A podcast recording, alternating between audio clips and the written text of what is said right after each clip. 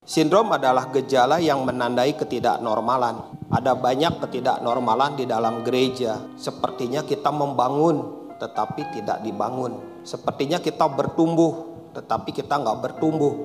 Kita cuma sekedar tahu, kita tahu banyak, tetapi tidak mengalami banyak.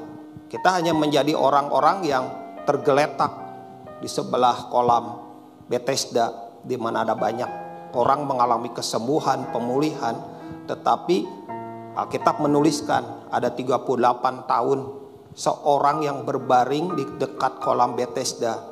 Dia hanya melihat, dia hanya menyaksikan, bahkan dia tahu kalau malaikat Tuhan akan datang kepada kolam itu.